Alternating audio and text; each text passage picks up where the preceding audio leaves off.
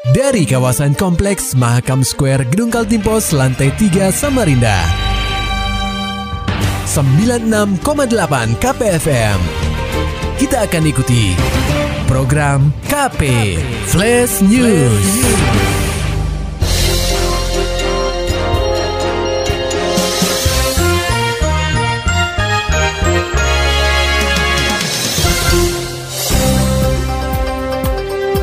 Anda sedang menyimak program KP Flash News bersama saya Agung Pratama. Berita utama.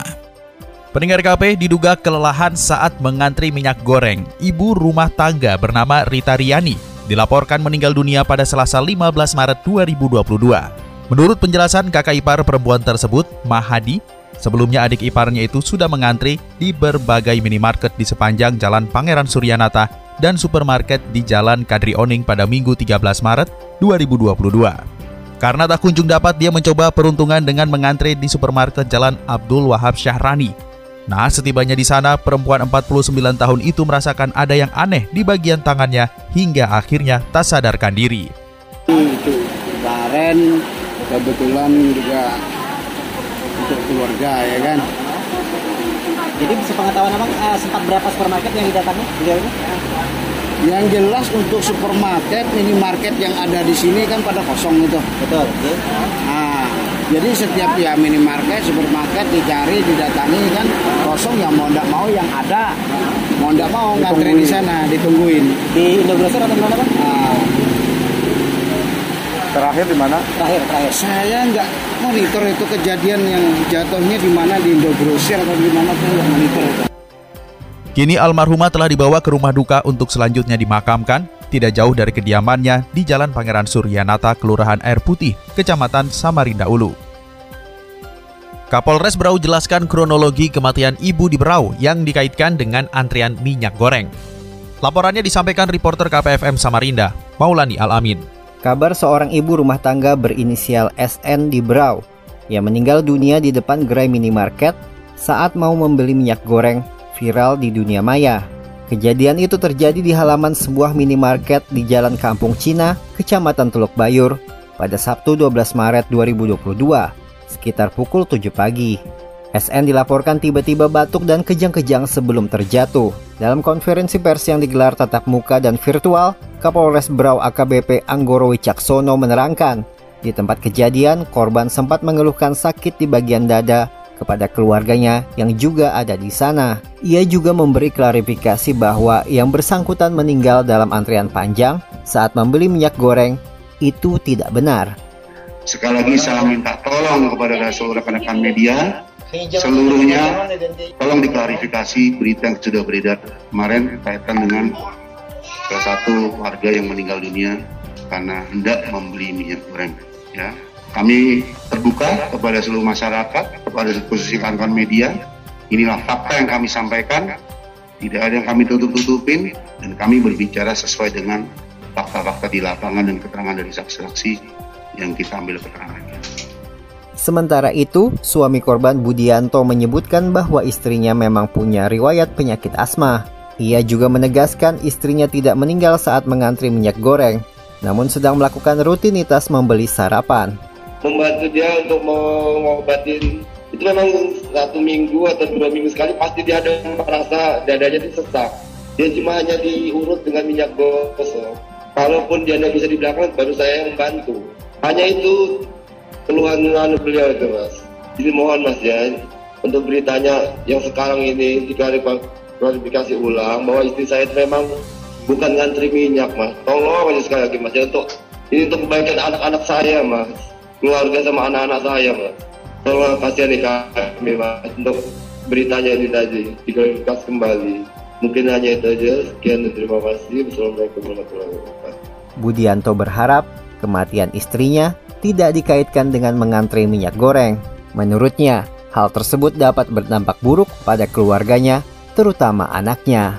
KPFM Samarinda, Maulani Al-Amin melaporkan. Pendengar KP Presiden Republik Indonesia Joko Widodo atau Jokowi mengajak 34 gubernur setanah air untuk berkunjung ke titik nol Ibu Kota Negara Baru atau IKN di Kecamatan Sepaku, Penajam Pasir Utara. Selain berkemah, salah satu kegiatannya adalah prosesi penyatuan tanah dan air dari masing-masing provinsi yang dimasukkan ke dalam kendi berukuran besar dari tembaga, bernama Kendi Nusantara. Berikut cerita sejumlah gubernur yang dirangkum KPFM usai kegiatan di titik 0 IKN Nusantara, Senin 14 Maret 2022. Gubernur DKI Jakarta Anies Baswedan mengatakan air dan tanah dimasukkannya ke Kendi Nusantara secara khusus diambil kalangan ibu-ibu dari kawasan Kampung Akuarium, Jakarta Utara. Anies berujar, secara simbolis air dan tanah itu membawa harapan bahwa kota baru yang akan dibangun dapat mengedepankan dan memprioritaskan manfaat bagi rakyat kebanyakan. Kami dari Jakarta membawa air dan tanah yang secara khusus kemarin diambil oleh ibu-ibu dari kampung Akuarium di Jakarta Utara. Membawa harapan bahwa kota baru yang akan dibangun ini yang nantinya akan menjadi ibu kota bisa mengedepankan dan memprioritaskan manfaat bagi rakyat kebanyakan. Lain lagi kisah Gubernur Jawa Barat Ridwan Kamil. Ia menyebutkan air suci dan tanah-tanah istimewa yang dibawanya ke Nusantara datang dari 27 tempat, sesuai dengan 27 kota kabupaten di Jabar yang disatukan di Gedung Sate. Kalau Jawa Barat, air suci tanah-tanah yang istimewa datang dari 27 daerah. Kan ada 27 kota kabupaten kan. Disatukan dulu di Gedung Sate, terus baru dibawa ke sini. Jadi saya kira simbolis ini penting bahwa semua mendukung. Sementara itu, Gubernur Kaltim Isranur mengaku bahwa dirinya terharu benua Eta menjadi tuan rumah acara kenegaraan. Isran menyebut acara ini adalah sejarah yang menurutnya tidak ada di dunia.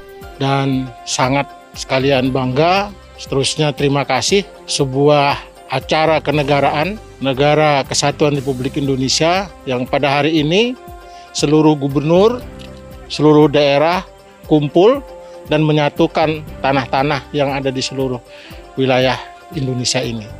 Jadi ini sebuah sejarah yang menurut saya mungkin tidak ada di dunia. Baru kali ini terjadi di Republik Indonesia Gubernur Kaltim Isranur mengatakan keputusan Presiden untuk memindahkan ibu kota adalah sebuah terobosan luar biasa yang sekaligus mewujudkan mimpi tiga presiden sebelumnya, yaitu Presiden Soekarno, Presiden Soeharto, dan Presiden Susilo Bambang Yudhoyono.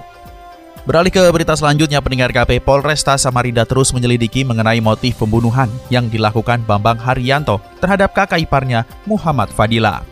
Dalam berita sebelumnya, Bambang menghabisi nyawa kakak iparnya hanya menggunakan pisau dapur, di mana 35 tusukan bersarang di tubuh Muhammad Fadila. Kejadian ini terjadi di Jalan Ada Malik 2, Kelurahan Karangasam Ulu, Kecamatan Sungai Kunjang pada Jumat 4 Maret 2022 lalu.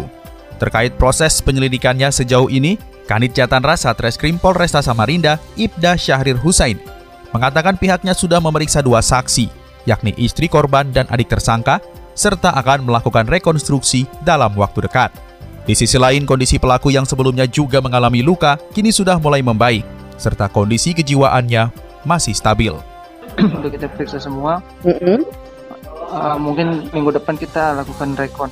Oh, rekon gitu bang ya. Bang, hmm. kalau infonya ini kan apa kondisinya tersangka ini sehat, jasmani gitu bang atau gimana bang? Kalau sejauh ini kita ini masih sehat, Mm-mm, sehat banget. Sehat, secara jasmani, kejiwaannya juga sehat. Lebih lanjut, Syahrir belum bisa membeberkan secara detail terkait proses pemeriksaan pelaku dan saksi, mengingat pihaknya masih berusaha menguak motif pelaku membunuh kakak iparnya. Masih seputar hukum dan kriminal pendengar KP kasus pembunuhan di Mahakam Square Buntu, polisi sudah periksa 20 saksi. Laporan selengkapnya akan disampaikan reporter KPFM Samarinda, Muhammad Nur Fajar. Tak terasa tiga pekan sudah, insiden pembunuhan yang terjadi di belakang kompleks Makam Square berlalu. Insiden ini menewaskan seorang pria, Iwan Herdiansyah, yang saat itu sedang merayakan ulang tahun ke-30 pada Senin 21 Februari 2022 lalu. Pasca insiden berdarah itu, Polsek Sungai Kunjang dibantu dengan unit Jatan Rasa Treskrim Polresta Samarinda terus menyelidiki dan mencari tahu siapa yang membunuh pria 30 tahun tersebut. Kapolsek Sungai Kunjang Kompol Mada Anwara melalui Kanit Reskrim, Ibda Roni Wibowo menerangkan, sebanyak lebih dari 20 saksi telah dimintai keterangan untuk mengungkap misteri ini.